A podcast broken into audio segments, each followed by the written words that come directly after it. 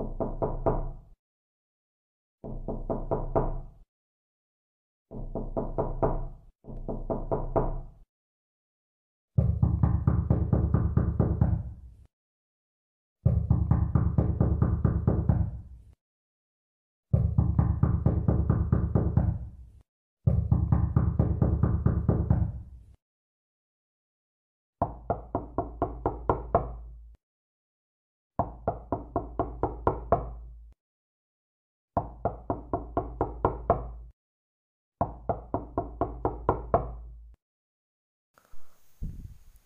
Oke, aku mau cerita tentang eh, film-film uh, yang seminggu ini aku tonton. Jadi uh, minggu ini tuh aku kembali ke diriku di masa-masa di masa kecil, di masa-masa aku nontonnya kartun gitu, nontonnya pahlawan super. Nah, jadi aku baru barusan minggu ini tuh ngelarin si Hulk sama aku nonton film-film kartun di Disney. Dan gara-gara si Hulk itu aku jadi penasaran banget sama Marvel karena aku tuh bukan termasuk orang yang tertarik banget gitu loh sama superhero kecuali Spider-Man. Nah jadi nggak tahu ya semenjak ada semenjak si Hulk ini tayang tuh aku jadi suka banget dan penasaran sama karakter-karakter Marvel terutama karakter Wong. Gila keren banget Wong tuh. Dia bisa keluar dari ring api gitu terus teleportasi ke dunia lain ke tempat lain. Nah itu aku suka banget. Sampai akhirnya aku tuh nyari di di di Disney Plus tuh aku ketik aja tuh Wong gitu. Tapi yang keluar cuma itu apa tuh Sangchi sama Doctor Strange. Nah, tapi ternyata perannya si Wong itu cuma dikit. Padahal aku senang banget kalau misalnya si Wong ini punya segmen tertentu karena pasti sangat menarik dan aku menunggu-nunggu ayo Marvel bikin versi Wongnya aku baru tahu Marvel dan sepertinya aku akan mempelajari Marvel dan akan menuntaskan film-film Marvel. Ya semoga ya.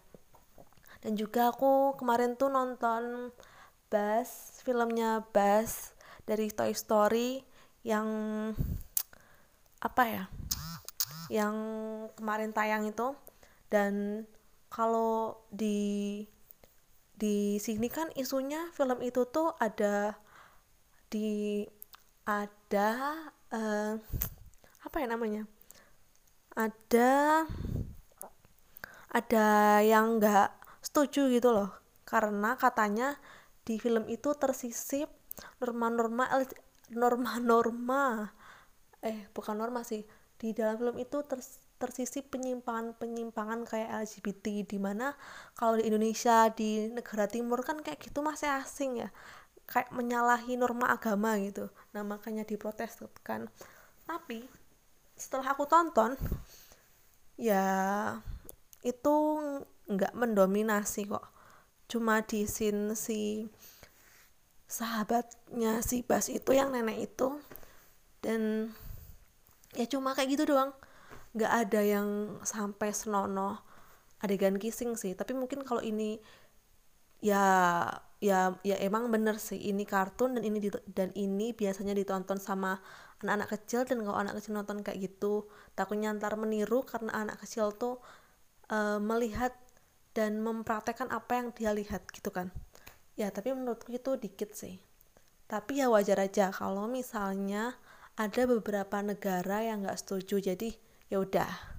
Tapi aku juga kurang tahu sih apa penyebab uh, Pixar dan Disney membuat karakter tersebut. Atau mungkin karena memang ini udah zamannya ya jadi sebagai manusia kita harus open mind kita harus menghargai apa pun itu. Ya walaupun itu um, sangat bertentangan dengan nilai-nilai agama.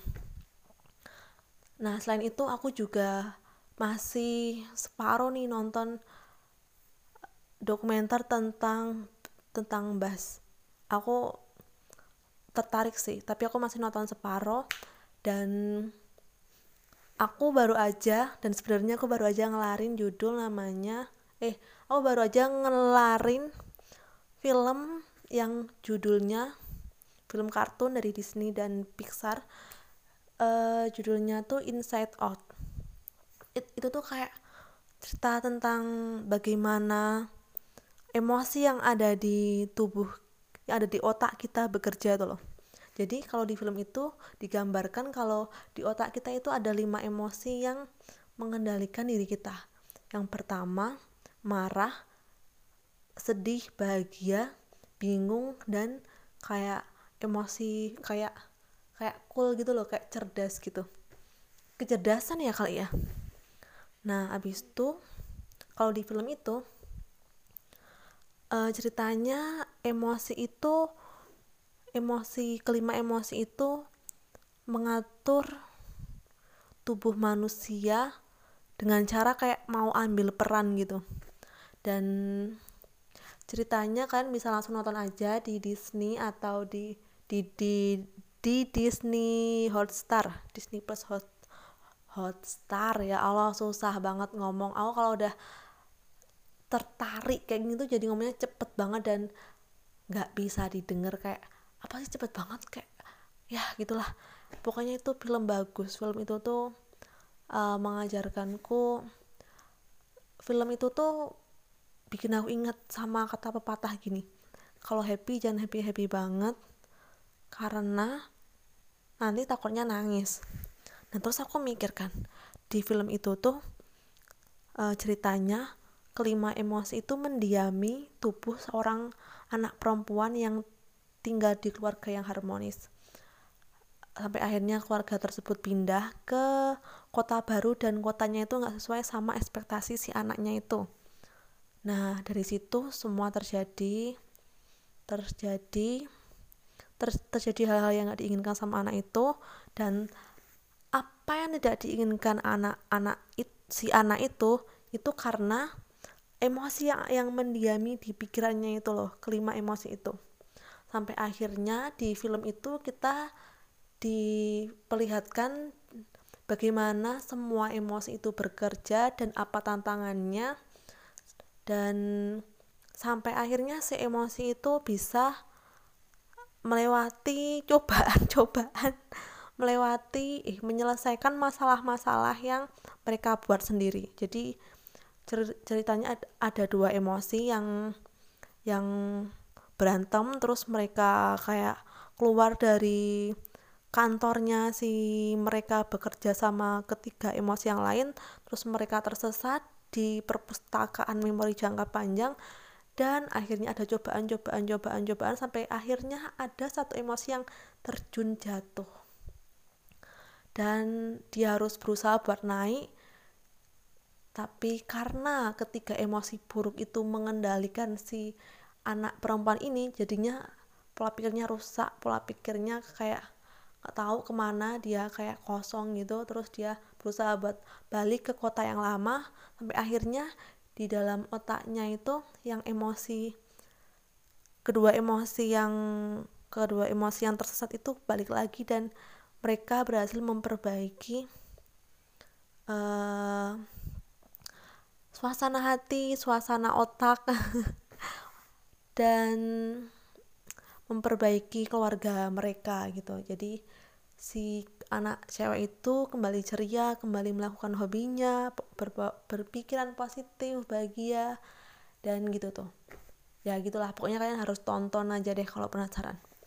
Nah, dari situ juga aku mikir kayak gini karena di situ ada penggambaran kalau pas kita kecil itu kebanyakan kita didominasi oleh satu emosi. Tapi pas kita beranjak dewasa, satu emosi itu nggak boleh mendi mendiami satu memori kita. Karena harus ada emosi-emosi lain yang saling mensupport dan membuat memori membuat memori itu menjadi normal gitu loh ya pokoknya itu bagus banget. Bagus walaupun itu film untuk anak-anak tapi buat aku yang berjiwa anak-anak kayak gini tuh cocok ternyata. Ya gitu deh. Aku nonton satu dua tiga satu dua tiga hampir empat film tersebut dan aku happy. Kayaknya aku besok minggu besok pengen nonton kartun lagi deh cuma belum tahu. Dan pasti aku mau nonton Doctor Stranger karena aku belum nonton tadi cuma nonton sebentar banget. Aku penasaran sama Wong tuh loh. Aku berharap Wong tuh dibikinin series kayak si Hook atau dibikinin layar lebar deh bagus banget. Dan aku mau ngucapin thank you buat Marvel karena dia sudah bikin series si Hook menjadi series yang kocak beda dari film-film garapan Marvel yang lain. Dan aku suka si Hulk. Aku suka Wong ya jelas aku suka Wong. Thank you kita dengarkan besok minggu lagi aku nonton film apa lagi akan aku update kalau aku sempat. Oke okay, thank you good night dan selamat menjalankan kehidupan kalian kapan pun kalian mendengarkan podcast ini. Bye bye